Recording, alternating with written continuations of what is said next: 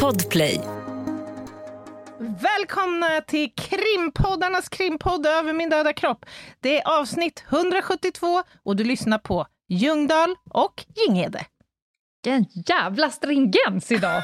Oj, oj, oj, jag är så pepp på det här.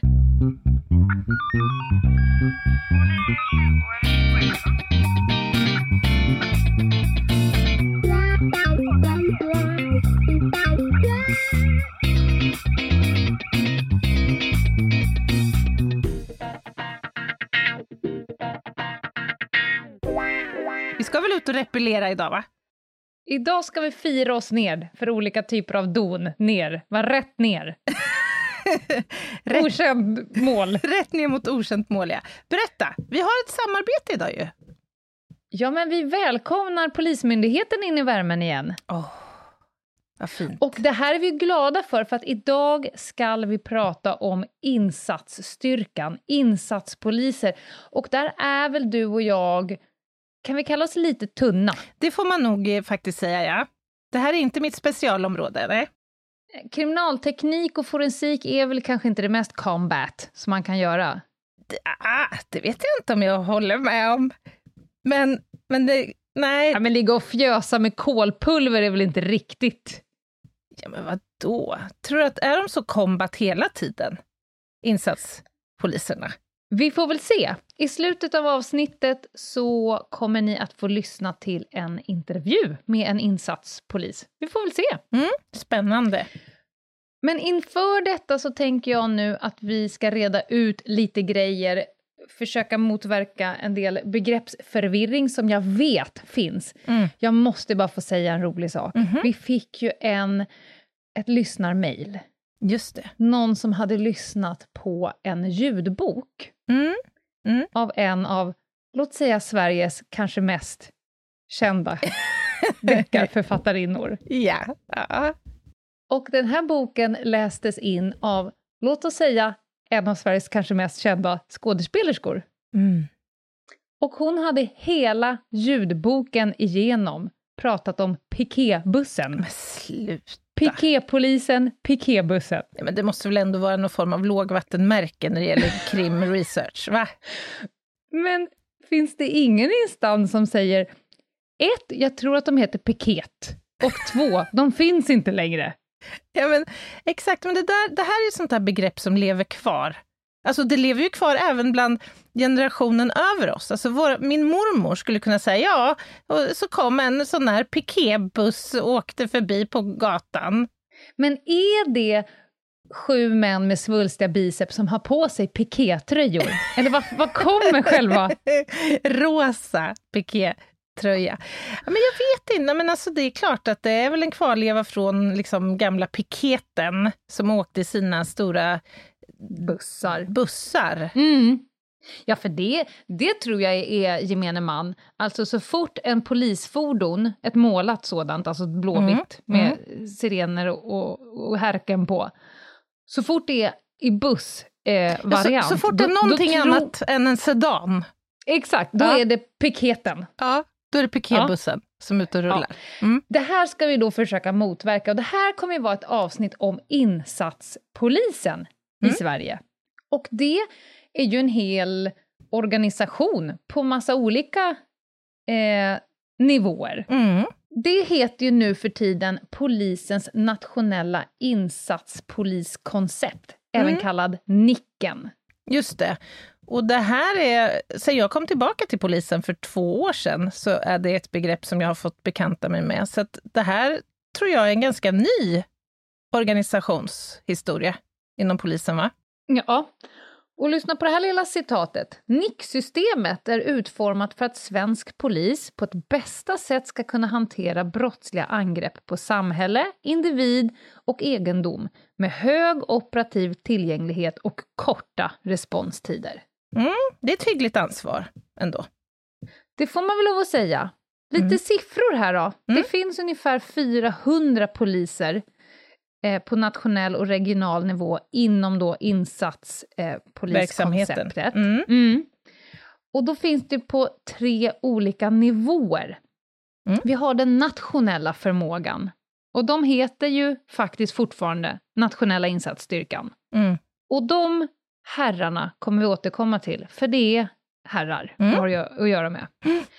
Sen har vi mittennivån som heter förstärkt regional förmåga. Och det är nog de här som folk fortfarande eh, ombeskriver som piketen. Mhm. För det är ju samma funktion, kan man Mm, säga. Mm. De har bara bytt namn. Och det här finns ju då i Stockholm, syd och väst, alltså de tre storstadsregionerna. Ja. De har en förstärkt regional förmåga, nivån under nationella insatsstyrkan. Mm. Och sen har vi den tredje nivån som är den regionala förmågan. Och det här är då utspritt över hela Sverige. Finns både nord, mitt, öst och i Bergslagen. Men det här tolkar jag som då att vi har en eh, insatspolisförmåga fördelat över hela landet, från Ja. norr till söder. Mm. Och det är väl den, tycker jag, då som kanske har tillkommit, för förr, innan man gjorde den här nicken då, då, då fanns det ju NI och så fanns piketen och sen var det väl alla andra ingripande poliser. Mm. Men nu finns det en regional förmåga då, då runt om i landet inom det här konceptet, Mm. insatspoliser. Och jag har ju lite erfarenhet av att jobba med våra lokala förmågor, så att säga. Och det är Mm. alltid svinhärligt. Vilka Mhm. superproffs de är. Beskriv. Ja, men alltså, för det första så verkar de ha rekryterat en hög ashärliga personer för funktionen. Ödmjuka och sympatiska och extremt duktiga poliser, skulle jag säga. Det jag har sett Mm. har imponerat, verkligen. Och de Kul. verkar vara liksom på tårna, de är hjälpsamma och vi samarbetar ibland tillsammans och det funkar alltid så bra. I, I vilka typer av sammanhang då kom, har, har ni kriminaltekniker att göra med, med insatspoliser? Men det kan vara väldigt varierande. Min, mitt sista eh, gig, höll jag på att säga, Ja. mitt sista uppdrag tillsammans med RI, som de ju heter i eh, här lokalt, regionala insatsstyrkan, eller gruppen kanske. Eh, det var faktiskt eh, flyghaveriet på Örebro flygplats. Mm. Och då fick jag se prov på en eh, insats från de här killarna som imponerade stort på mig. Alltså de, de tränar ju på allt ifrån, ja men vi var inne på repellering, eh, men också avancerad livräddning och you name it. De är breda. Ja. Och när du säger träna, jag fick faktiskt lite siffror, bara för att förstå lite, när du pratar nationell förmåga, förstärkt regional förmåga och den regionala. Då fick jag siffror att NI då, nationella insatsstyrkan, de ägnar ungefär 45 till 50 procent av sin arbetstid till träning, övning, utveckling av metoder och liksom sätta det. Och det har att göra med att när de är inkopplade så är behövs det ju extrema specialistkompetenser Ja. för att lösa ut de svåra grejerna. Men de verkar otroligt breda. Nu nämnde jag några exempel, men alltså, vi har ju samarbetat i en varierande mängd insatser. Mm. Så de är breda som tusan. Det ställs Ja. stora krav på dem. Och, och det var ju då NI, och sen har vi den regionala förstärkta förmågan. De tränar och eh, utvecklar sig ungefär 30 procent av sin arbetstid. Och sen har vi då den regionala förmågan, de du pratar om, Ja. RI. De eh, övar och tränar ungefär 15 procent av sin arbetstid och resten är de då operativa. Mm. Jag tycker ändå att de här siffrorna är ganska signifikanta, för man kan tänka sig hur komplexa uppdrag de Mm. här tre olika nivåerna blir inkopplade i. Mm. Verkligen. Verkligen. Om man ska prata lite mer om vad en insatspolis är, Mm. då är det alltså poliser som har mer utbildning i taktik och fler olika typer av metoder att lösa komplexa saker. Mer än vanliga poliser som jobbar i ingripande verksamheten, yttre tjänst. Nej, men vad intressant, tycker jag. För att jag, jag föreställer mig att en ingripande polis möts av betydligt fler olika typer av problemställningar, så att säga. Förstår du hur jag tänker? Absolut, och, och inom den vanliga IGV-verksamheten, där kan du bli inkastad i precis vad som helst, och Mm. du måste ju bara veva från, från det du har. Medans blir man inkopplad som en insatspolis, då kanske man får i alla fall en chans i förväg till någon form av mental förberedelse, plus att du är sammansvetsad grupp, du har övat mycket mer än de andra, Mm. men du blir ju också kanske då inkastad i uppdrag som har då från start en komplexitet. Men för det var det jag tänkte fråga, kan man säga genomgående att de uppdrag som landar på insatspolisens bord, så att säga, är generellt mer operativt komplexa? Mm. Och det kommer att höra lite intervjun sen, men generellt kan man ju säga som att antingen är det insats mot farliga personer, Mm. och det här har ju jag ju fått bevittna ett par gånger när vi inom då SPAN, som har spanat mot grov organiserad brottslighet, när man ska gripa gärningspersoner som har att vänta 10, 12, 14 år i fängelse, de är ganska högt motiverade att inte vara kvar på platsen Kan man tänka sig, ja. kan man tänka sig. Eller kanske erbjuda ett motstånd Mhm. som man som spanare är helt värdelös på att möta om vi ska vara helt Mm, eh, mm. Ja, de, så. de kan ha mycket att förlora på att gripas Exakt. den där dagen. Och då har jag ju bevittnat att man har plockat dit, eh, och det skulle då vara i det här fallet den förstärkta regionala förmågan att hjälpa till vid de här händelserna. Mm. Till exempel farlig person. Men sen så pratar de också om ställen och uppdrag där bevissäkringen behöver ske ganska snabbt. Att det är väldigt ett sånt ärende där man behöver få det här klassiska frysläget fort. Mm, mm. Och då kan det vara bra med en grupp, de har ju faktiskt en högre numerär, bara en sån Mm, sak, att mm. de kommer i klunga så att säga, och inte en och en eller två och två. Just det.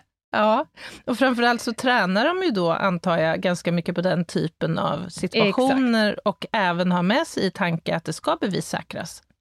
Eller om man ska gå in i en lägenhet eller stoppa en bil där man befarar att det finns vapen. Då Mm. finns det ju eh, bättre människor att göra det Mm. än i en patrull om en eller två personer Mm, mm. med endast en liten pistol att tillgå. Ja. Men, men eh, utöver att de övar och är sammansvetsade i grupp och sådär, så har de ju också en hel del annan utrustning, en del hjälpmedel, de har andra typer av vapen, fler olika sorters vapen, Ja, olika det. typer av fordon. Alltså de bär ju omkring på loads of stuff, kan man säga. Ja, det är som en bättre julgran som Ja. kommer gående. Ja, men alltså, jag är faktiskt ärligt talat lite nyfiken på vad allt väger som de Mm. tvingas bära på. Det kan du fortsätta vara nyfiken på. Jag kan säga att jag försökte rätt mycket i intervjun. Du kommer höra mig kämpa Mm, mm, för att få ut någonting, mm, om någonting. mm. Men det är, kan jag säga du, fru Jinghede, det är förteget. Det är för teget där borta. Det är knappt så att de kan meddela att de finns. Nej. Och jag förstår ju varför det är så, och det gör ju Ja, du också. såklart. Så måste det naturligtvis vara. Det här är ju en jätteviktig verksamhet som naturligtvis inte ska blottläggas i sin helhet. Nej. Men vi är väldigt glada att de finns. Det är vi verkligen. Och ska också säga att kanske några där ute nu som undrar, så här, insatspolis, det är ju mig ni pratar om. Mm, mm. För det är ju en typ av människa, man ska ju vara verkligen en lagspelare, du ska ju ha en hög motivation att hålla på, öva och drilla och träna och, Mm. och sådär. Mm. Och känner man då att det här är ju jag, då säger jag på en gång att all rekrytering sker internt inom polisen. Alltså man tar Mhm. poliser från verksamheten. Förutom nationella insatsstyrkan, där rekryterar de faktiskt även från Försvarsmakten, Tullverket och Kustbevakningen. Ah, vad intressant. Men, men och är det bara killar i landet? Vet du det? Du får höra intervjun. Jag frågade rätt specifikt, var, var fan är brudarna någonstans? Ja. Vi får, du får lyssna på hans svar sen. Men innan vi ska göra det så ska vi prata lite om just NI, den nationella insatsstyrkan. Mm. Sveriges yttersta polisiära resurs. Mm. Har du sett dem in action? Mm. Det har jag gjort. Kan du beskriva det du såg? Ja, alltså det är ju på intet sätt så att eh, action i, i alla avseenden behöver innebära action. Alltså Nej, de, de får ju inte. en del uppdrag som, som kan handla om att biträda i särskilt avancerade sök efter saker till exempel, Mm. i vatten Mm. och så vidare. Nej, men de är, Ja. de är fantastiska, jag tycker de är, de är härliga. ja, det säger hon och ler. Nej, men jag kan berätta, jag var på en, vi hade en övningsdag, var utomhus på en sån här uh, skjutbana, man får öva på att skjuta lite längre avstånd. Mm. Jag tror vi höll på med MP5. Mm. Och det liksom skrotar runt ett gäng snubbar där på samma övningsområde samma dag. Mm.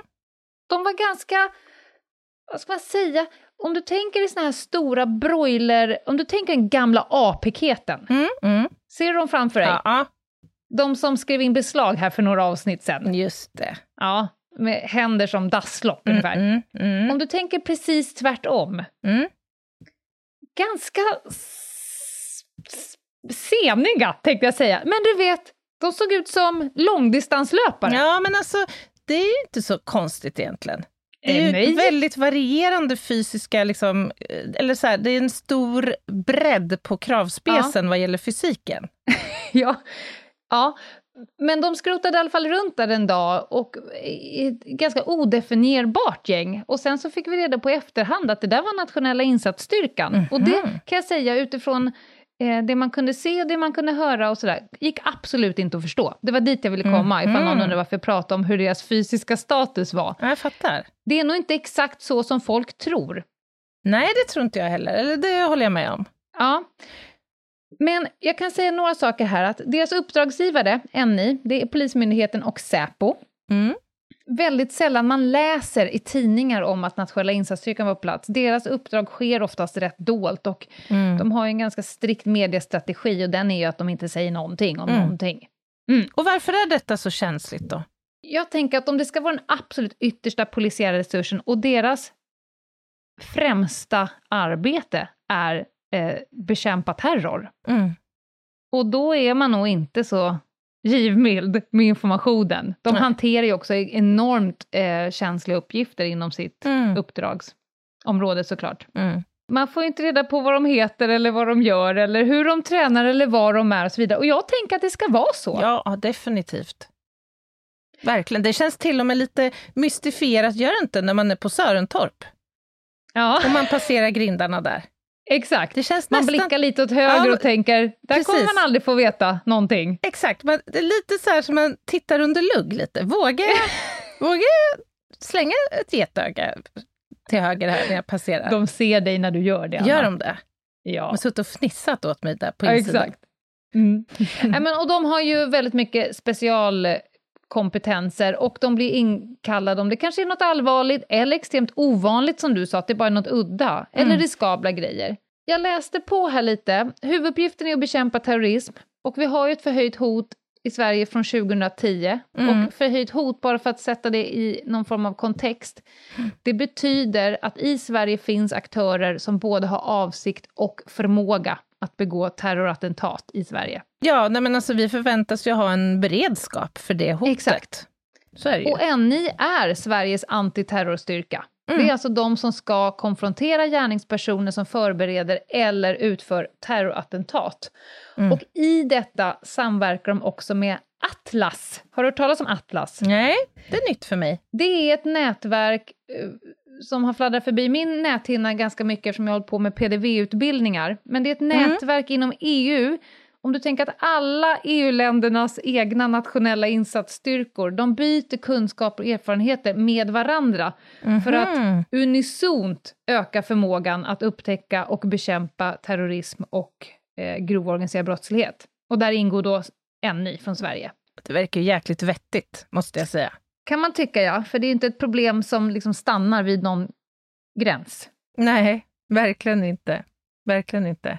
Det här är ju en extremt fysisk och jag tror inte att man ska underskatta den psykiska Eh, alltså den psykiska kravlistan som ligger på de här eh, poliserna, allt från då nationella insatsstyrkan till de som har en förhöjd förmåga. Nej. Att veta att jag är satt på denna jord, eller på att säga, yrkesmässigt för att söka mig mot sådana händelser som man redan i förväg vet är komplexa, farliga, utmanande. Man ska ju lockas av det om man ska hålla på med det. Ja, men det, det känns ju som en klar fördel. Men, men går det att säga vad det är för typ av människa eller typ av polis som söker sig till eh, det här nationella insatskonceptet då?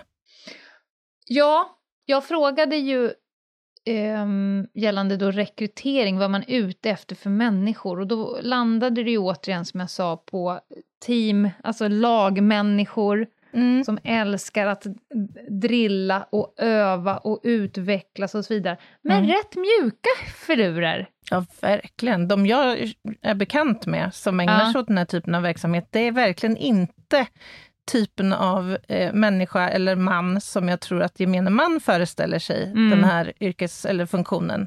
Nej, Verkligen inte. nej verkligen inte. Några exempel på uppdrag då som nationella insatsstyrkan får pyssla med utöver då att de ska bekämpa terrorbrott tillsammans med Polismyndigheten och Säpo. Då eh, står det en lista här, brottslig handling av främmande makt, Mm. lite på samma tema. Jag menar, om Säpo eller Polismyndigheten fiskar upp något allvarligt från främmande makt, säg Mm. Ryssland, Kina, Iran är väl de som är topp eh, utplockade, eh, och de vill göra en insats eller göra en inhämtning, då lär nationella insatsstyrkan bli inkopplade. Mm. Det kan vi nog vara lugna för. Ja. Gisslan och kidnappningar, och här vill jag ju göra en reklam, för att i vårt samarbete med Polismyndigheten så kommer vi ha ett helt avsnitt om förhandling Mm. Här under hösten. Hur man kan få en helikopter att bli en pizzabeställning. Det är en fråga som jag kommer ställa. Det kan du vara lugn för. Hur fick ni personen att tycka att det var toppen med en pizza när jag började med att vilja ha en helikopter Mm. och en påse pengar? Och framförallt, hur lyckas man med det? Exakt. Mm. Eh, men ni håller på med gisslan och kidnappnings, alltså lösningen av de typer av uppdragen. Såklart om det är särskilt farliga gärningspersoner. Mm. Sen det där som du var inne på Anna, och det ska man inte glömma, det är inte bara att de är jävligt psykiskt och fysiskt starka med mycket prylar, men alla dessa svårtillgängliga miljöer. Mm. Ner under vattnet, högt Mm. upp i luften, alltså repellering, helikoptrar. Vad kan vi mer komma på? Klippskrevor, Ja. långt ut i ingenstans. Ja, men alltså det är ju svåra miljöer, tänker jag, genomgående. Ja. Det kan vara trånga utrymmen. Eh, alltså man, man, måste nog, man får nog inte vara fobiskt lagd, om man säger så, i den här branschen. Vi kan nog vara lugna för att de testas i olika typer av trånga utrymmen. Ja, men det blir väldigt uppenbart att du också Ja. måste ha dina liksom, psykiska delar Mm. i, intakta och i balans. Så att säga. Det måste vara oerhört viktigt ju. Och där är vi ju diskvalificerade, både du och jag. Det är, kan man nog säga. Ja. Men jag, faktiskt även spaning. Vi, jag har ju haft, eh, varit involverad i spaningsärenden som har på sluttampen varit enormt svårspanade. Mm. För att gärningspersonerna väljer såklart platser där ingen ska kunna spana på med mindre att de upptäcker då spanarna Mm, de tänkt mm. sig. Och då är det ju alltid härligt när det kommer någon person medelst hasning och ålning sörpla sig fram via ett dike. Och så hör man helt plötsligt på radion bara, ja jag ligger här nu i typ bergsgrunden och lyssnar på dem. Just så, jag kan vara självförsörjande här i tre veckor om det krävs. Ja, exakt. Nej, alltså man känner ju en enorm stolthet över det här gänget, det måste jag säga. Det får man nog lov att säga. Jädrar vad grymma de är. Och sen så med på listan stod även att de hjälper till vid, eh, liksom, om det är något speciellt kring statsbesök, men också Mm. förstärkt livvaktsskydd. Jag Mm, menar, finns mm. det någon som har en riktig jädra hotbild på sig, då slår man nog en, en, en käck liten mur. Mm.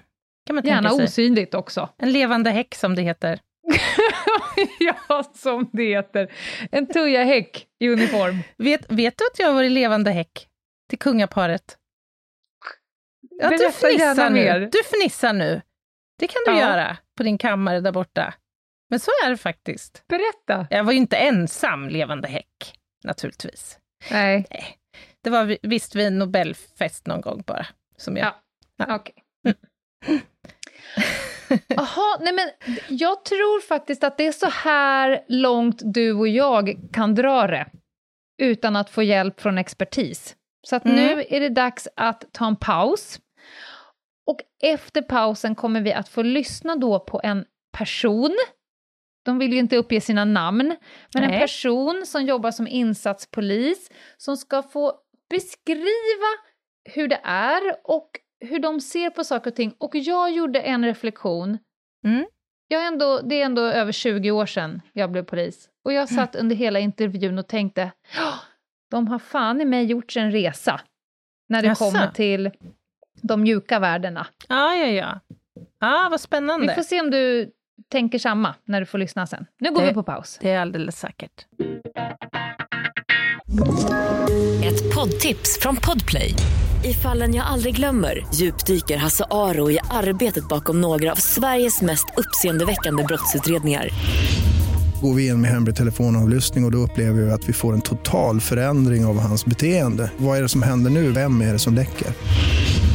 Och så säger han att jag är kriminell, jag har varit kriminell i hela mitt liv men att mörda ett barn, där går min gräns.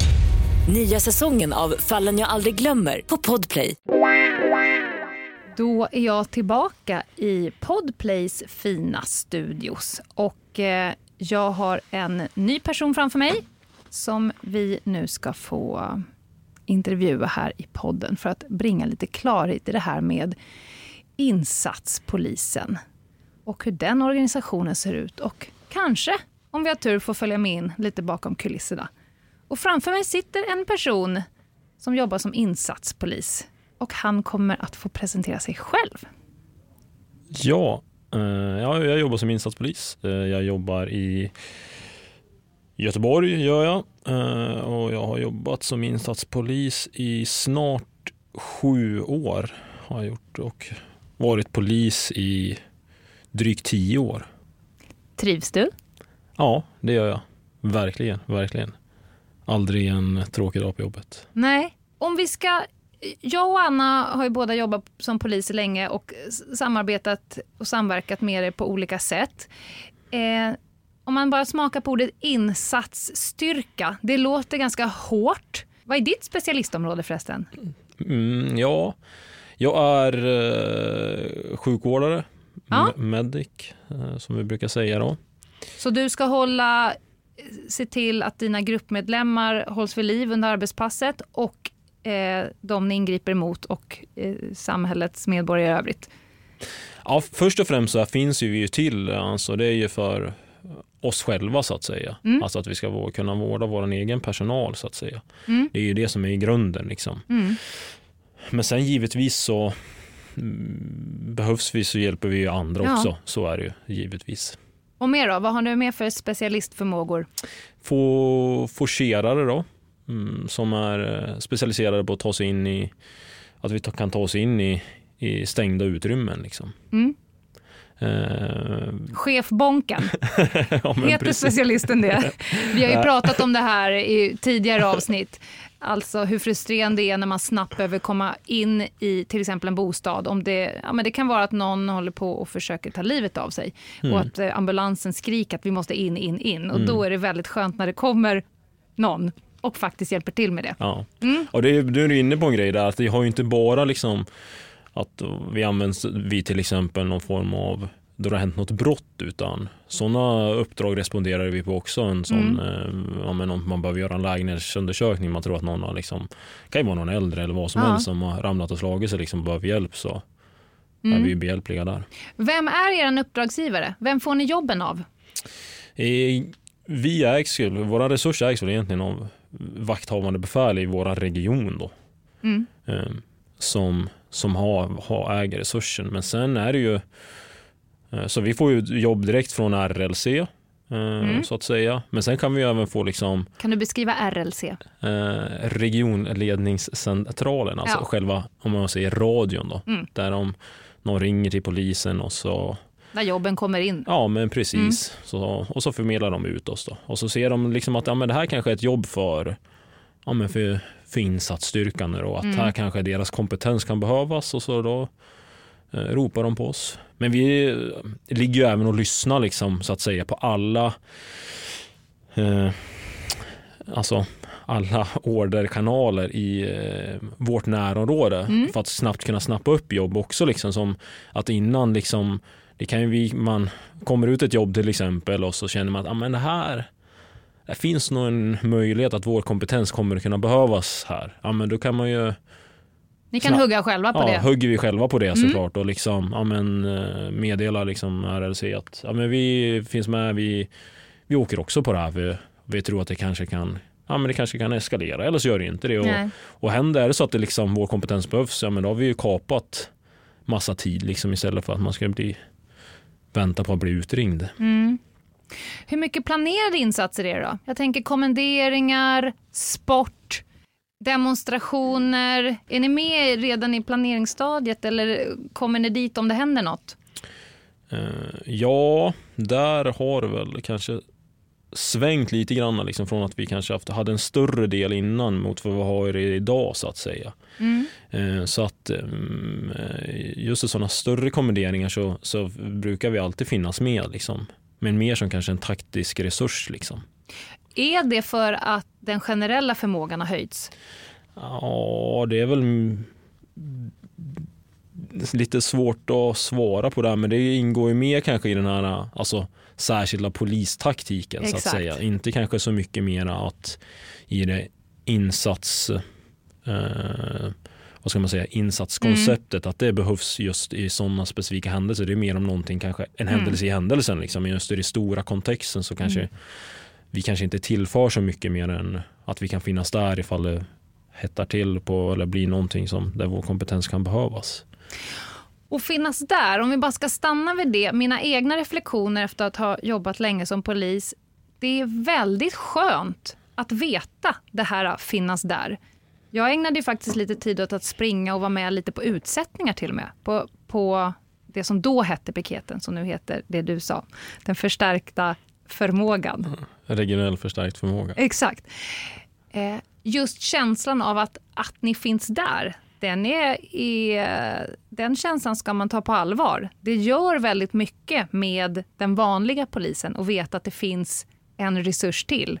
Och om det inte räcker finns det en till. Och om inte det räcker så finns det en till. Alltså att man, eh, känslan av att jag inte är sista utpost.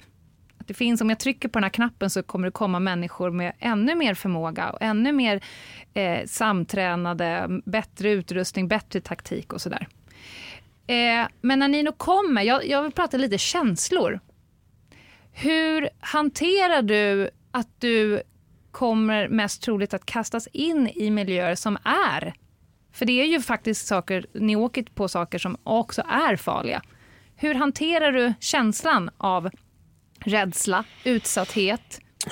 Ja, men det mm, vi jobbar ganska mycket, eller väldigt, väldigt mycket just med sådana men man kan kalla dem för de mjuka värdena då, liksom hos oss. Att vi pratar om det här. Liksom att det är någon form av, att man måste ha någon form av relationsmod brukar vi prata om. Liksom, och, eh, inom, eh, inom vår verksamhet. Liksom. Att man ska kunna uttrycka sig. Men om man känner någonting så, så ska man få uttrycka det och, och så vidare. Men jag tror just den här att vi åker på farliga saker som man kan se, ja men det här ser farligt ut. Det är också liksom en, vi vet ju det också, men vi är också liksom tränade för det. Och det är inte så att vi liksom kanske, eh, vi kanske, vi, vi, vi, vi är väl medvetna om riskerna, men vi är också väl medvetna om att vi har ganska bra kompetens just i de här frågorna liksom, så att vi kan planera ut efter omfall och och, och diskutera kanske, ja, men om det här händer, ja, men hur gör vi då? Ja, händer det här, ja, men då gör vi si och så. Och man känner sig väldigt trygg i, i sin grupp och vet att alla är lika duktiga, så kommer någonting att hända här så har jag ju typ ja, men världens bästa uppbackning. Liksom, att vi, och man är inte ensam heller, liksom, utan att vi löser det här tillsammans. Liksom, att eh, vi hjälps ju åt ihop och kommer på lösningar ihop och så vidare. Att eh, alla drar sitt strå till stacken där. Men jag, jag hör några saker. Dels så har ni en stor fördel av den mentala förberedelsen. Ni tränade för det. Ni har också en, en eh, hög portion av kompetens för just de här utmaningarna. Men jag hör också att man måste vara lite av en typ av människa. Att faktiskt känna, ja det finns en risk, eh, vi är samtränade, men jag är också ganska framåtlutad inför det. Att du dras, du dras mot den här typen. Om, Ja, men- Vad är ni för människor som, som, som står ut och faktiskt gillar den typen av arbetsplats? Vad, vad har ni för egenskaper som kanske inte alla har? Ja, men, eh, man ska ju absolut ha en rätt så, tycker jag, att- alltså, ha ett mod, alltså ett fysiskt mod liksom, för att kunna prestera kanske under, under stressade och pressade situationer liksom, och kanske våga kanske utsätta sig för det. Liksom. Eh, och sen ska man ha ett, eh, ett gott omdöme också. Liksom. Bara för att du liksom är, kanske jag ska, alltså, vi ser en, man kan, måste, eh, om man kanske är villig att ta risker så måste man också för, förstå vilka typer Ja. av risker man kan ha. Om man, Så man inte blir dumdristig. man är medveten om att ja, men det här är en, en ganska allvarlig risk kanske. Mm. Ja, men då eh, gäller det liksom att kunna lägga band på sig själv. Det går inte att bara ha en, någon som är liksom villig att ta vilka risker som helst och inte tänker på Det blir ju en fara i gruppen. Ja men då blir det liksom, då blir Fast- det farligt på ja. riktigt liksom. Och, Men ni behöver ta den acceptabla risken. Ja men precis. Eh, Jag tycker det är jättespännande, men jag tror jag vet svaret, men jag frågar ändå. Under dina sju år, visst har det skett en utveckling på det här planet?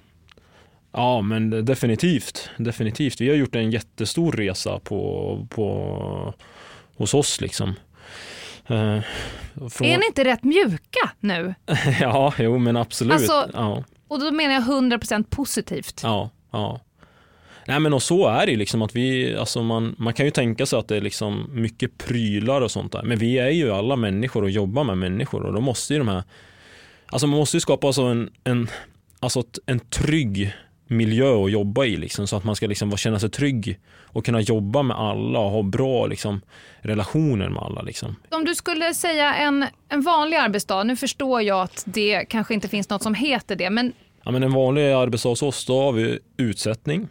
Mm. Och, det är som ett möte i början på arbetspasset, Ja, för er men- som inte är poliser. Ja men precis, man får liksom en eh, uppdaterad lägesbild om vad som har hänt på, och vad som kanske ligger i framtiden och så vidare. Liksom. Eh, Ja men en uppdatering av läget liksom. Mm. Eh, Och efter utsättningen så kör eh, vi alltid startsamtal kallar vi det för. Startsamtal är något som har tillkommit. Jag ingick ju i den här Romeo-organisationen och då hade vi ibland slutsamtal och sen så sipprade ju startsamtalet in vad det led och de var ganska dåliga och okonstruktiva i början. Men eh, så som det har blivit nu, eh, det är ju också, det kan ju faktiskt också vara livsavgörande att man vet status på varandra innan man åker ut. För när det brinner till, då brinner det till.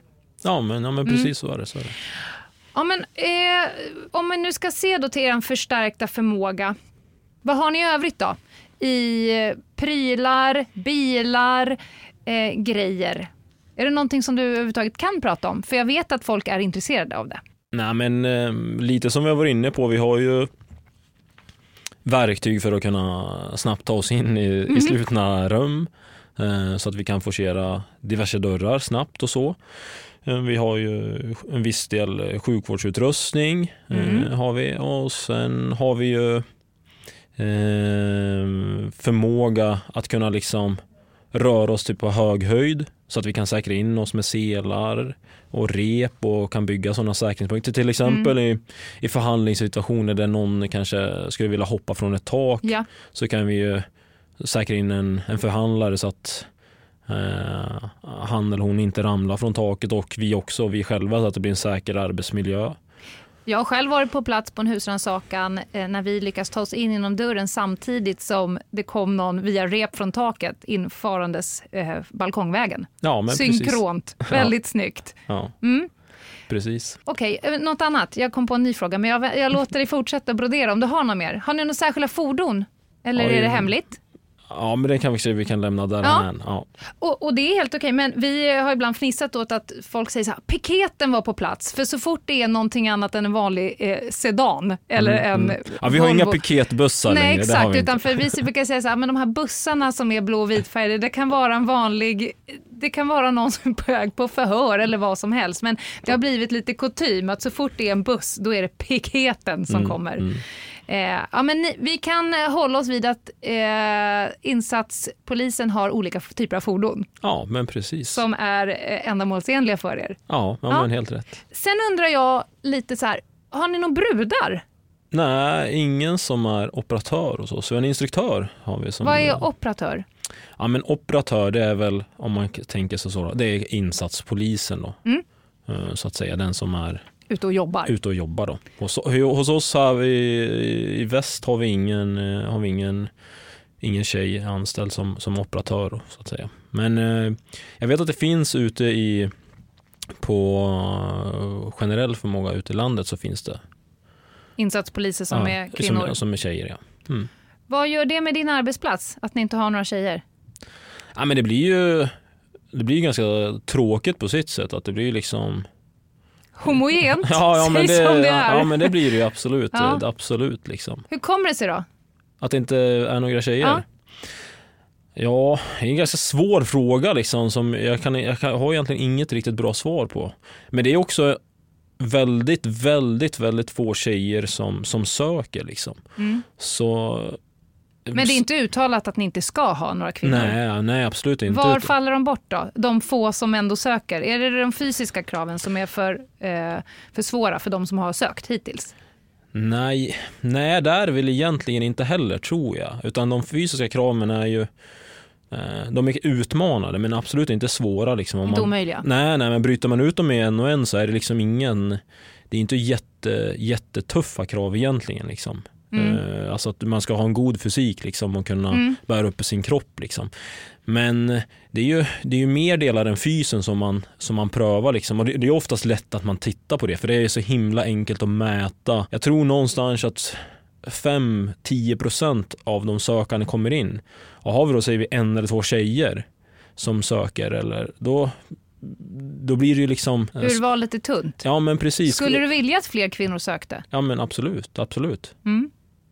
Men då, om vi nu ska ge, för att det är extremt många som lyssnar på vår podd som har tankar på att bli polis. Vi har också väldigt mycket kvinnor som lyssnar. Eh, det är många som lyssnar som också är poliser. Om vi nu ska säga, hur vet man om man har det? Alltså vilka borde söka sig till insatspoliserna då? Vad, vad, vad är du ute efter för egenskaper om du får välja ett, ett, ett knippe människor nu som ska bli dina kollegor? Mm. Förutom det vi har pratat om tidigare, att, att du, det här med modet. Mm. Nej, men jag tror ju att många, alltså det är en fantastiskt bra arbetsplats att jobba på. Liksom. Ja, men där vi strävar efter en god, äh, alltså en god arbetskultur. Alltså. Mm. Det skulle jag vilja säga att vi är nog säkert eh, ledande inom polisen, inom NIC, liksom, och jobbar med de här frågorna lite grann. Att man ska skapa en sund kultur på, alltså på arbetsplatsen. Liksom. Att vi ska försöka Får jag stoppa lite där? För där tror jag går precis tvärt hur folk tänker att det är. mm, Alltså att inom polisen så finns det bra, sköna, härliga människor. Men ju mer man kommer åt insats så blir det lite mer så här hårt och kallt. Men jag som då har varit inom polisen och Anna såklart också. Vi kan nog säga, i alla fall nu, att det är precis tvärtom. Ju mer insatspolis man är, liksom hela vägen upp till nationella insatsstyrkan, ju mer krut läggs det på eh, värdering, kultur, etik, moral, mjuka frågor. ja, Lustigt, för det, det vet inte folk. Nej, nej men precis och det är väl en Det är väl lite grann man tänker det här gamla Typ piketbuss, Ja. stor eh, Röj, Röja-Ralf. ja, ja men lite Ja. så liksom och, och, och så är det ju absolut inte. Nej. Och det är just därför kanske fel personer, eller nu ska jag inte säga fel, men det är kanske därför för få kvinnor söker. Ja, ja men precis och säkert andra också som är Självklart. som är liksom superhärliga människor men tycker att "Nej, men jag tror inte att det där är någonting för Mm. mig. Men, men åter till frågan så är det ju liksom att man är ja, men, en klassisk lagspelare, liksom, tycker Mm. om att jobba i grupp och så att man vågar prova lite nya saker. Liksom. För det, det tror jag säkert är den stora grejen liksom, med att, att söka, liksom, att man vågar kanske inte göra den. Man kanske själv bestämmer alltså, typ att Nej, men jag, nej, jag, jag räcker nog inte till. Nej. Liksom. Men utan det är ju bara att söka, sen får ju, får ju vi utröna det. Där tror jag att du sätter huvudet på spiken. Både varför folk inte kanske söker insatsstyrkorna, men också varför folk sitter hemma och inte ens söker polis. För de har redan bestämt sig själva att jag har nog inte det som krävs. Och då har vi tusen gånger sagt att eh, lägg, låt någon annan bedöma det. Ja, någon precis. som vet vad som krävs och inte du själv. Ja, men precis. precis. Mm. Ja, men om man nu eh, sitter, oavsett om man är, redan är snut eller inte, eh, hur går själva rekryteringen till? Man söker, eh, sen sker någon form av tester antar jag.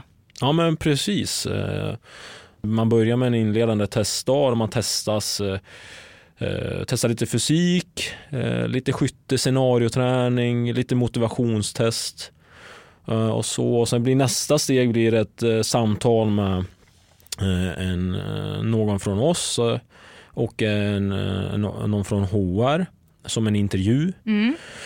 Eh, och sen nästa steg efter det, då blir det liksom en, får man göra personlighetstest och djupintervju med psykolog.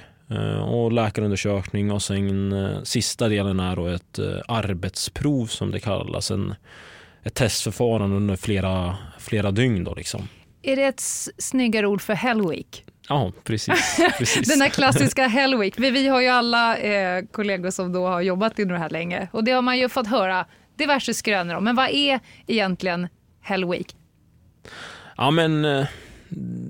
Man... Det låter ju som att det inte blir det mest gemytliga man kan hålla på med. Nej, nej precis. Alltså jag, mina upplevelser är, är ganska positiva från det. Ja. Men, men det är alltså, då får man ju testa sin... Uh, egentligen så, man, ja, visst fy- fysiken är i all ära liksom så, men sin, hur, hur pass motiverad och ihärdig man Mm. är.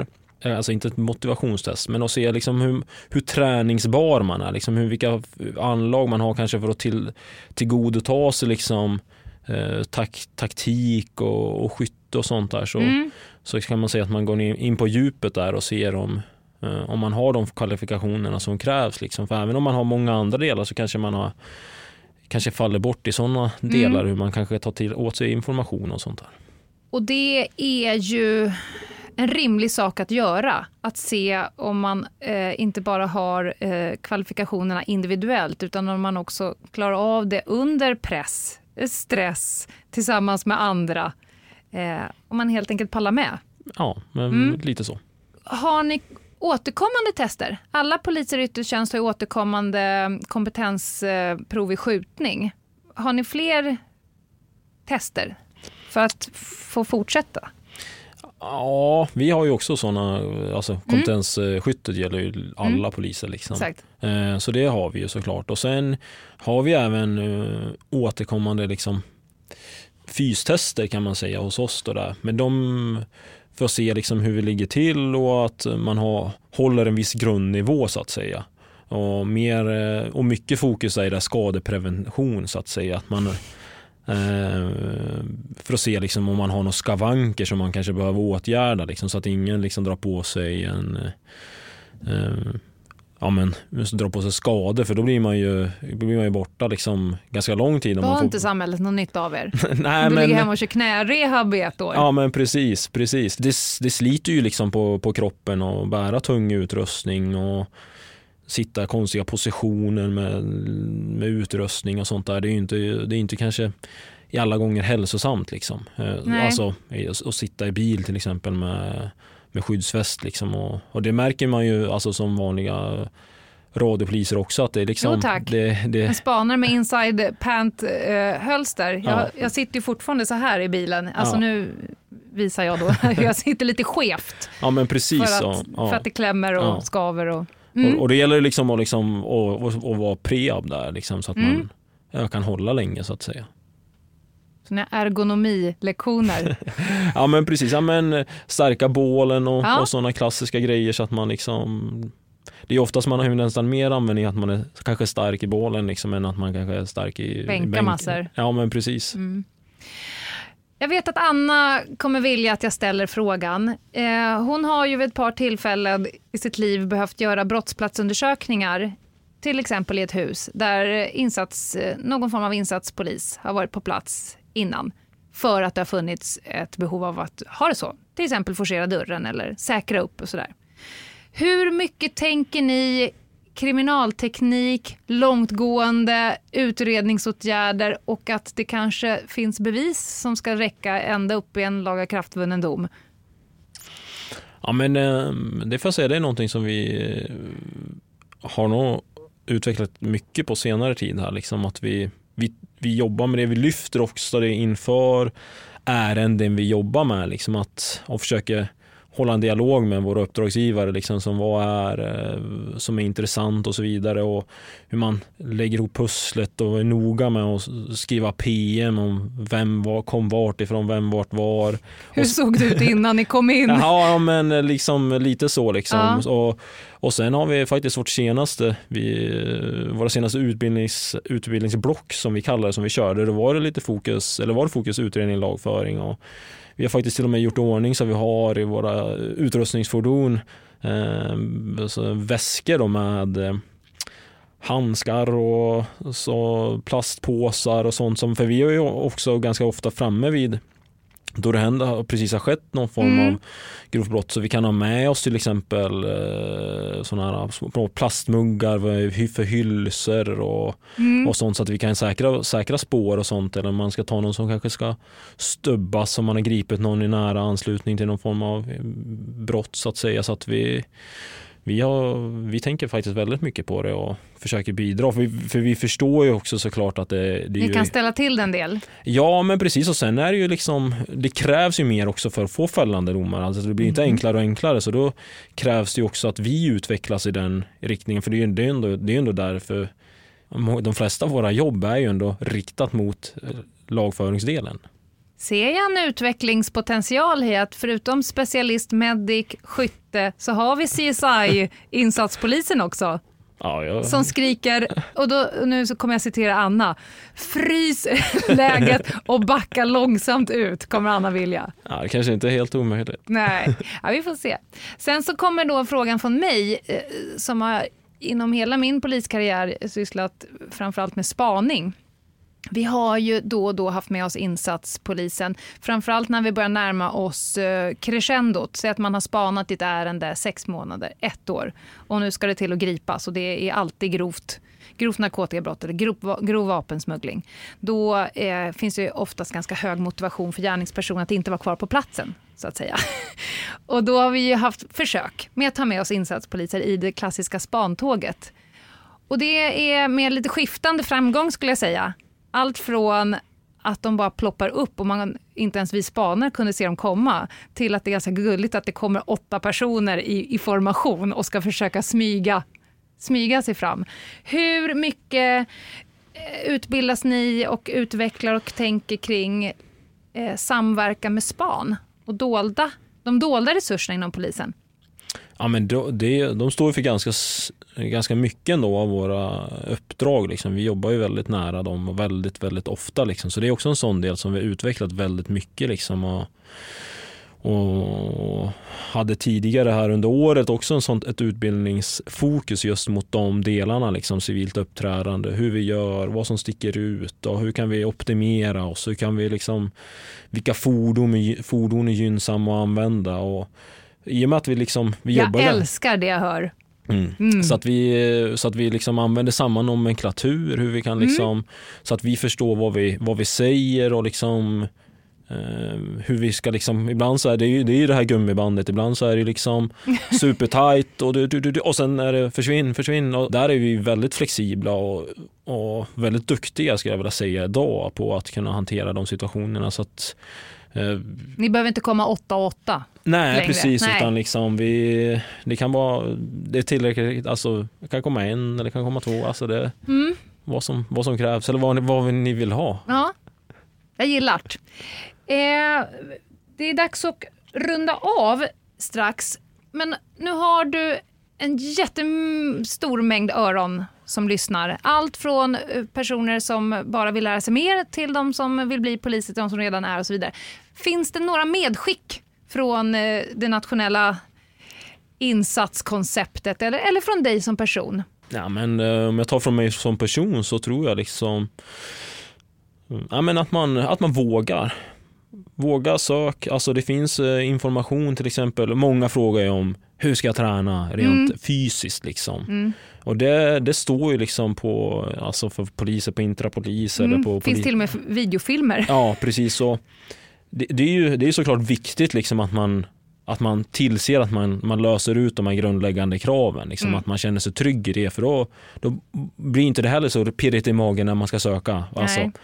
Och, men framförallt att man är sig själv. Liksom, och tror på sig själv och funderar igenom vad, vilka värderingar är viktigt för mig. Och vad, så att man liksom känner sig trygg i det. För liksom, den vi letar efter det är ju dig. Liksom. Vi letar Mm. ju inte efter en, Mm. en färdiginsatspolis. Liksom, utan, Nej, det kommer ni se till att den ja, blir. men, ja men precis, det Ja. kommer man komma att utbildas och det kommer man att bli. Men vem är du? Liksom? Är ni olika? Eller blir det så att ni blir rätt lika? Om man tittar på en grupp. Om Ja. jag skulle sitta på en skön middag med, en, med din grupp, skulle jag tycka eftermiddag att ni är lite, lite likadana? Ja, men jag tror väl att många av oss är poliser i bot, grund och Ja. botten. Liksom. Så det har väl någon form av... Mm. Eh, Snutgenen. Ja, precis. Liksom. Men sen, sen, sen spretar det nog lite grann. Absolut. Mm. Eh, Man är ju lätt att tro att, liksom, att alla kommer liksom ha någon form av militär bakgrund till exempel för att det, man kanske tycker att, att det per automatik tyck, hamnar man här då. Ja. Men så är det absolut inte. Liksom. Nej. Utan folk kommer från olika bakgrunder och, och vissa, många faller ju för, för de här mjuka delarna. Liksom att, ja, jag tänkte aldrig jag skulle söka till insatspolisen men sen när jag har träffat er och fått sett er vad ni har för vision och värdegrund. Alltså, det här känns ju superspännande, superkul och då känner jag att då vill jag jobba här. Liksom. Men generellt så behöver man ju vara en ordentlig teamplayer. Annars går det inte. Det kan Ja. vi väl konstatera. Ja men precis, att man ska, liksom, man ska gilla att jobba med andra och Mm. tycka att det är utvecklande. Liksom. Och för de som inte överhuvudtaget vill bli poliser, har du någonting att säga till dem? Som inte vill bli poliser. Ja, alltså det här är ju inte bara för de som vill bli poliser. De som tycker kanske att det är lite läskigt med insatspoliser. Ja, men vi, vi, är ju, vi är ju poliser, alltså vi är där för medborgarna i grund och botten. Så Ja. att vi är ju, även om det kanske kan se combat ut, typ, Ja. så, så är vi ju inte där liksom för... eh, Vi, Så är ni egentligen Lille Skutt allihopa. Ja men precis, Ja. vi är ju världens härligaste människor allihopa. Ja, men jag tror att vi avrundar där. Eh, budskapet har gått fram och jag är jätteglad att jag fick intervjua dig om de här delarna, för det är någonting som ligger ganska långt ifrån både min och Annas expertområden, men vi är så lyckliga att ni finns. Tack för att du kom. Tack själv för att jag fick vara med. Välkomna tillbaka! Ni lyssnar på avsnitt 172 av Krimpoddarnas krimpodd och idag pratar vi om insatsstyrkan. Ja, vad ska vi, hur ska vi sammanfatta det här, Lena? Ja, men det där vet jag att ni tycker var intressant, men jag är ju först på bollen här nu, Anna. Det här med att de utbildas i att tänka forensiskt och bevissäker kriminalteknik som han berättade om. Ja, där kände jag att det pirrade till lite, så att säga. Det här gör mig väldigt, väldigt varm om hjärtat. Ja. Hur, hur brukar det vara för dig när du gör en brottsplatsundersökning när de har varit där och flisat sönder någon vägg eller två? Eh, det brukar vara alldeles, alldeles underbart, men, men ett problem som är återkommande, det är när vi är klara på vår plats och vi upptäcker att vi inte har några dörrar att eh, tillsluta fastigheten med. och det kan man ju lösa på lite olika eh, innovativa sätt. Nej, Ja. men alltså, vi kommer ju oftast in i, i matchen så att säga efter då att ett tillslag har gjorts, eh, till exempel. Eller en Mm. inbrytning kanske, rent utav. Och det, det krävs ju då faktiskt att man tar sig in snabbt och lite våldsamt. Mm. Och då, det, det är ett pris vi liksom får betala för den insatsen. Det är inga konstigheter med det. Och det brukar Men- funka men- alldeles utmärkt. Ja, men fråga här nu, hur löser ni det? För att, som du har berättat i tidigare avsnitt när du kommer till en brottsplats, Mm. då gillar du att stå en halv meter utanför tröskeln med din termos och Mm. blicka ut över en orörd brottsplats innan du lägger upp en strategi för var du ska gå, vad du ska börja med.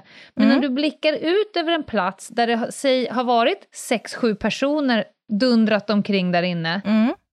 Eh, hur gör du inhämtningen för att få reda på vad var det första ni såg? Mm. Hur såg det ut när ni kom in? För jag antar att du behöver göra en ganska djuplodad förhör med någon av de här kollegorna. Ja, men det behöver vi nog inte göra, men det är ganska bra att veta så här, var har gripande platsen varit? Det vill säga, var kan jag förvänta mig att jag kommer hitta väldigt mycket spår från olika individer? Mm. Hur rörde ni er ungefär här inne på? Alltså, jag behöver inte veta i detalj, men det är bra med att veta att vi har varit på alla våningar i huset till exempel. Den här källaren var vi aldrig ner i, eller vi gick in genom de här entréerna. Eh, För jag Mm. menar, kan ju, vi måste ju utesluta, det kan ju vara brytskador eller annat på, på dörrar och foder och allt möjligt, så vi behöver ju liksom kunna sålla bort nu då de här spåren som har tillförts i samband med ett gripande till exempel. Just det. Eh, Sen, sen är det ju så bra så att idag jobbar ju faktiskt väldigt många poliser i operativ miljö med bodycams. Och de hjälper oss ju många gånger väldigt mycket. Då får vi Ah, snabbt såklart. en ganska klar uppfattning om ja, men dels hur, det- hur det ser ut inne i miljön. Och det är ju jättelyxigt att få den bilden innan, vi, innan ens vi har klivit över tröskeln, så att säga. Mm. Och sen har vi en muntlig avstämning ofta, så att vi får den information Mm. vi behöver.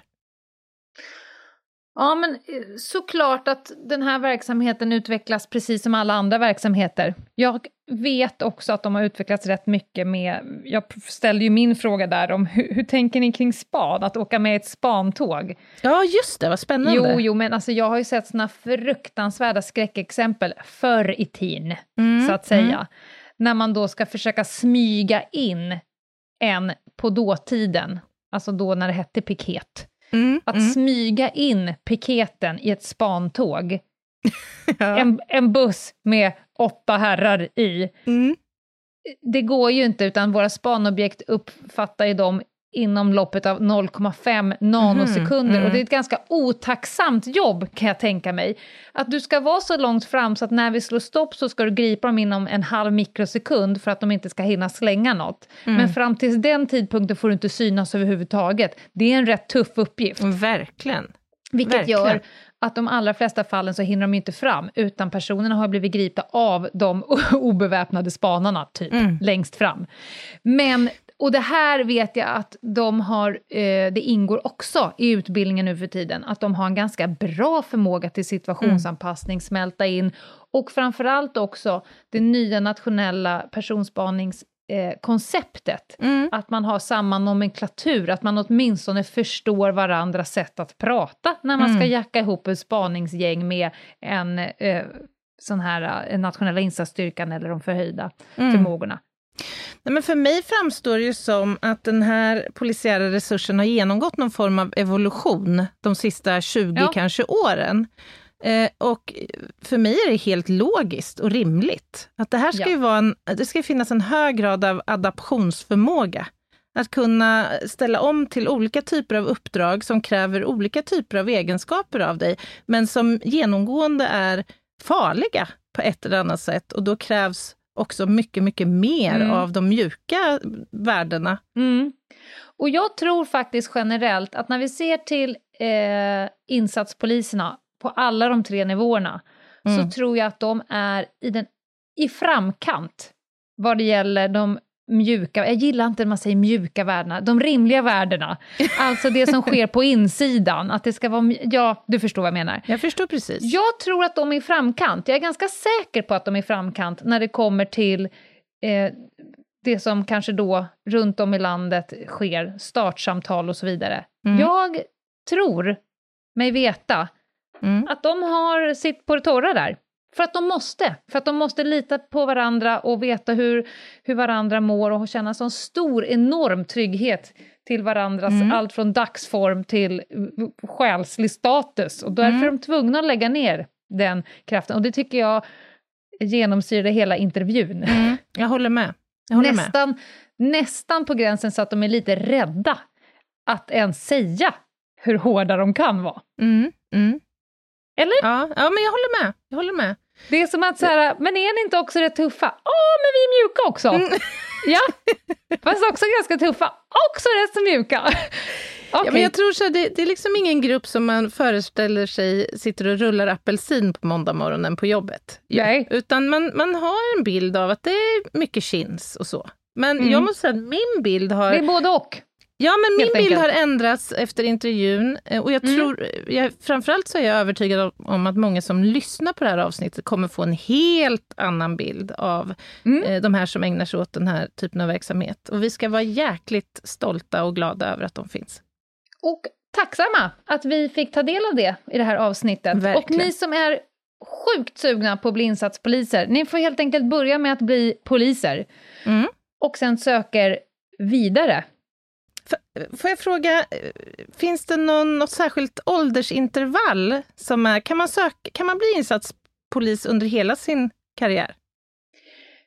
Jag ställde inte den frågan specifikt, men jag vet att det är extremt mycket och varierade tester av olika sorter och klarar du dem så verkar Mm. det väl rimligt att du... Det är ju både medicinska, psykologiska, Mm. grupptester, fysiska, det är ju alla typer av tester. Mm. Ja, häftigt. Kör bara, tänker jag. Det är inte för sent, Anna. Du ligger i gipsvagga rent själsligt och Nej, fysiskt, men kör. verkar... Nej, jag tror att jag håller mig till kolpulver och mikrosil. Det känns ändå tryggare för mig på något sätt. Ja, Nej, men, eh, tack Polismyndigheten och eh, insatspoliserna fick, för att vi fick ta en del av ert viktiga arbete. Tusen tack! Och nu, Lena, är det så att vi ska gå från insatspolisen till rövhatteri? Alltså, vi kommer gå och, till något helt annat idag. Men Ja. först, först måste vi flagga för att imorgon är det fredagen den första oktober när ni lyssnar på det här. Just det. Och vad är det dags för då, Anna? Ja, då händer det grejer förstår ni, för att då kan ni rusa till Podstore. Från klockan midnatt så kan ni införskaffa er alldeles egna Friday-merch. Då kommer Helt den. riktigt. Alltså, från eh, hela fredagsdygnet, alla 24 timmar hela fredagsdygnet, så finns det då en specifik eh, merch från vår podd att köpa på Podstore. Just det. Finns Och- det något mer du vill säga? Ja, jag tänker att när man eh, ändå har införskaffat sin härliga merch så kan man väl skicka en blänkare till oss och, och tala om för oss hur nöjd man är på hej at Ljungdahl och jinghede.se. Och varför inte hänga med oss lite grann på Instagram, på Ljungdahl och Jinghede. Varför inte ta ett snyggt foto på er, er, er merch och lägga upp på Instagram och tagga oss? Alltså det vore ju kul. Den här, den här månaden är ju lite som ett tema också. Ja, Jag tänker att man kanske kan följa upp och man kan få, sig, få en liten bild och kanske lite grann beskriva i text vem man vill rikta sin, sitt plagg till, så att säga. ja. Åh, vilken brygga in till veckans rövhatt! Kör Lena, kör! Lenas rövhatt. Ja, Anna Jinghede, låt mig ta dig med på, ut på stan. Vi ska på, gå, gå på kafeteria du och jag. Oj, tackar, tackar, vad trevligt. Ja, Och föraktet blossade upp i mig som en nyponros. Så här. Jag, okej. ja. Ja. och jag vet att det här kommer kittla dig. Mhm, mhm. För att det bor ju en liten kärring i dig. Gud, ja. Ja. ja. Jag går alltså fram till en kassa. Jag beställer mig den vanliga orden. Kan jag få en cappuccino på havre, tack? Mm. Och sen så flackade jag efter eh, någonting ätbart.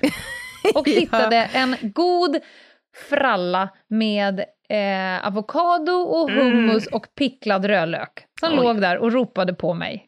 Mm, smart. Eat, eat me. Eat me now, Mm. please. Så då säger jag det till eh, jäntan som stod bakom disk. Mm. Och så tar hon den, och jag har liksom inte sett locket på frallan än. Men den, den ser jag inte förrän jag har betalat, stoppat, blippat mitt kort och sådär. Och så vrider jag på frallan och då ser jag Var den hur hela... blöt? Nej, Oh. hela locket. Det är en, en ljus fralla med sesamfrön på. Mhm, mm. Mm. Och hela locket är som en kolbit. Alltså totalt bränd. Varpå jag Okej. ändå, ändå 1,2 sekunder tänker, "Ah, jag ids inte. Nej, nej. Men så kände jag bara, "Nej, men jag är ju hungrig. Ja, vad jobbigt. Så då började jag komma med olika lösningar. Mm. Typ, eh, den här är ju bränd. Mm. Har ni liksom en annan fralla så i så fall kan du ju bara riva av locket och så ta vilket jävla bröd som helst och liksom Ja. tryck ner på min fralla. Får jag bara fråga Ljungdahl, var locket så att säga av betydande storlek? Ja. Ja, okej. Så Mm. det var inget du bara kunde så att säga så här, kassera, skit i locket Nej, då? Nej. Dels så var det en ganska sörplig macka så jag behövde liksom ett överdon för att inte, för att inte bli väldigt smetig på hand. Jag tror jag förstår. Den hade mer Ja. konstruktionsmässiga Skäl. liksom. Mm. Ja, Mm. så att jag behövde helt enkelt byta ut överdelen mot i princip, jag var öppen för, jag var 10 cm öppen för vad som helst annars. Ah, Man hade ja, kunnat som- lagt på ett korvbröd Ja, just på toppen. eller kanelbulle på toppen där. Ja. Vad som helst. Vad som helst. Men, men då säger hon så här, nej det där brödet ska vara så där. Eh, nej men det tror jag inte eftersom överdonets kusin där under är ju inte svart. Och de sitter ju ändå ihop i bakkant. Ja, just det. Ja, just det. En har blivit två, så att säga. Mm. Exakt. Mm. Så så här, nej men det här är inte... Och sen så tar ju jag då, med ett litet gulligt pincettgrepp, så rycker jag ju ett av fröna, alltså ett av sesamfröna Ja, just det. ovanpå. Du ville testa då, ja. Mm. Och så tuggar jag på den och, Det så, och sen så grimaserar jag och så säger jag så här, du kan ju smaka själv för den är helt bränd. Nej, men- Alltså den är bränd. Men vadå, förstår jag, förstår jag dig rätt nu? Det uppstod någon form av diskussion Ja. kring huruvida din avokadofralla var bränd eller Ja. inte? Och Ja. nu, Jinghede, det är inte klart än. Nähä. Vi har inte kommit till rövhatteriet än. För Nej, här nej. är det ändå bara en dispyt huruvida bränt är bränt eller Ja, inte det. bränt. Just det. Mm. Eller om det är meningen, liksom, det var den här eh, liksom frallans eh, själ på jorden Estetik. att komma. Ja. Ja, exakt. Nej, vi, vi konstaterade till slut båda två att ja, den är ju bränd. Och då så sa hon så här, jaha, oj, då, vad gör vi nu? Ja, det som kommer hända nu är att antingen så kommer du byta ut locket på min fralla och jag kommer Ja. vara glad i så. Mm. Eller så får du helt enkelt göra en retur. För att det jag, låter kom- rimligt. jag kommer inte äta den här frallan. Då tittar hon på mig med några ögon som såg ut som typ en abborre som har legat lite för länge på bryggan och funderar på, ska du döda mig snart eller släppa tillbaka Just mig? det, De ögonen. just det. Men Jag förstår precis, ja. Det Mm. liksom blinkar lite för Mm. långsamt bara. Mm, Så tittar mm. hon på och så säger så här, ja du kan ju inte lämna tillbaka den nu, du pillade ju på den. Nej, men... nej, nej. Eh, jo, det kan jag göra eftersom den här, den här skapelsen ska ingen inmundiga. Den ska Ja, och inte exakt- vidröra någons kindslemhinna, den här. Exakt det jag sa, så att det är ju inte ett problem eftersom när jag har fått tillbaka mina pengar, då kommer du ta frallan och stoppa ner den i papperskorgen. Ja, exakt. Den är ju Exakt. cancerogen, Ja, den här jäveln. precis. Nej, precis. nej. Och då fick Nej, men- jag, du vet, då kom jag på mig själv, för en främmande människa, att få bo, gå, liksom beskriva. Jag får göra enkla exempel för Ja. henne. Så jag hör mig själv säga så här, okej, men om det här var ett par skor och jag går hem med skorna och upptäcker att skorna saknar underdel. Då, då kommer jag ju komma tillbaka med skorna, även fast jag har nuddat dem. Åh, jag älskar pedagogiken här ändå. Ja, Det och hon pedagogiska på mig greppet. Och blinkar med sina abborrögon och bara så här, ja fast men du petade ju på, alltså Ja, hon men- hade jätteproblem att jag petade på den här matvaruprodukten. Så att, men du jag kan ju dra den i asfalten här, det är inget problem. Du ger Nej. mig mina pengar och sen så slänger du macka. Får du skriva ett kvitto till, till din chef? Att, Ja, ja men precis. Lös, lös uppgiften bara. vi gick Men back en för alla du, idag. spel, du spelade ändå inte ut kortet konsumentköplagen. Nej men ork, is inte. ja, men vad fan, hur kan det ens bli en diskussion kring det här? Men förstå vilken vad ovärdig del av mitt liv att stå och behöva beskriva för en person att jag vill inte äta din jävla kolbit. Men det här är så orimligt. Alltså, det är ungefär som när man kommer till till en av Sveriges största klädvarukedja eh, Ja. som, som heter något på två bokstäver med, Ja. i rött. Ja, Ja, med ett och emellan. just det. Just det. Och, och sen har man då köpt eh, två par chinos Mm. Som eh, avkomman tyckte var lite för små. Man ville ha Mm. en större storlek. Mm. Sen hinner då det här lilla förbannade kvittot försvinna. Det Ja. hinner lägga sig på en plats eh, och inte vilja bli hittad Nej. innan man ska iväg. Så jag kommer ju då tillbaka. Man kan ju lätt gå in på mitt medlemskap då och titta vad jag har handlat. Ja. Jag har cirka fem miljoner kundpoäng på den här kedjan. Alltså tro mig, det är ingen över... Okej, det är kanske är en liten överdrift. Du är mest jag att de inte rullar ut den röda mattan när du kommer eftersom du är deras top priority customer. Ja, men jag tycker ändå att jag förtjänar lite, lite service-minded liksom, omhändertagande. Nej, då... Ja, men i och med att du kan påvisa inköpet. Ja, Någonstans men- där tycker jag ändå att, det, att, att du har fullgjort ditt. Jag kan tycka ändå, jag kommer ju med plaggen med liksom lapparna kvar i påsen som jag liksom införskaffade de här pryttlarna i, men nu råkar det vara så att det här kvittot då inte fanns med i påsen. Kan du inte bara ge mig pengarna tillbaka då för de här plaggen? Nej, nej. Nej, nej, vi jobbar inte så. Du kan få ett sånt här tillgodokvitto. Jag bara känner så här, herregud, det kan ju inte vara ett problem. Jag kan ju inte vara den enda på Nordkalotten, eller på att säga Nordeuropa, som, som hamnar i de här situationerna. Nej. Så, flexibiliteten, vart tog du vägen? Jag sa att det bodde en liten kärring ja, i fy dig. fan alltså, vad tröttsamt. Ja. Alltihopa Nej. slutade i alla fall med att jag fick tillbaka mina pengar. Jaså? Hon Så stod där och blinkade med sina abborrögon och funderade på vad som hände i mitt liv. I Nej, det liv. var inte det hon funderade på. Hon funderade på vem ska nu bekosta brödstycket? Tror att hon skrapade av Och höljet. sålde den igen ja. Ja! Och så säger hon till nästa kund, nej det här brödet ska vara så här. Nej, jag tror hon säger till nästa kund, den här frallan säljs utan lock. Den ska vara Det är så. numera en macka. Ja, just det. Jävla geni alltså. Ja. Hon har ju tagit det här med att motverka matsvinnet ett steg längre. Ät du ditt jävla as, det jag ger dig. Ja. Nej, nu måste vi sätta punkt. Det här är, är ett avsnitt som aldrig någonsin tar slut. Men så blir det ibland. Så kan det bli ibland. När man har så intressanta ämnen. Mm. Ja, Hörni, vi sätter oss i bikuper på lördag och diskuterar detta på live. Detta Mm. kommer att ske 11.30 istället Yes. för 11.15. och vi kan också tillägga att det är en one shot. Ja, exakt. Exakt. Det kommer det att vara. Be there och be squat. Square. Ja, just det. Mm. Bli, bli ost för alla. Ja. Nej, men Exakt. jättehärligt. Hörni, vi hörs Ta och ses. Ja. Bye, bye. ja, hej, hej, hej. Hej, hej. Ett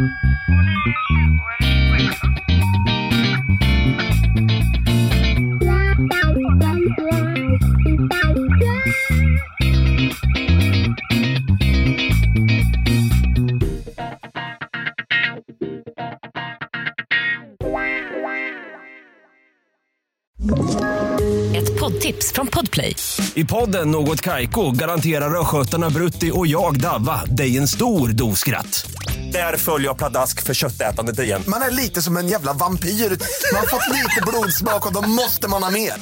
Udda spaningar, fängslande anekdoter och en och annan arg rant. Jag måste ha mitt kaffe på morgonen för annars är jag ingen trevlig människa. Då är du ingen trevlig människa, punkt. Något Kaiko, hör du på Podplay. Därför är gardinerna.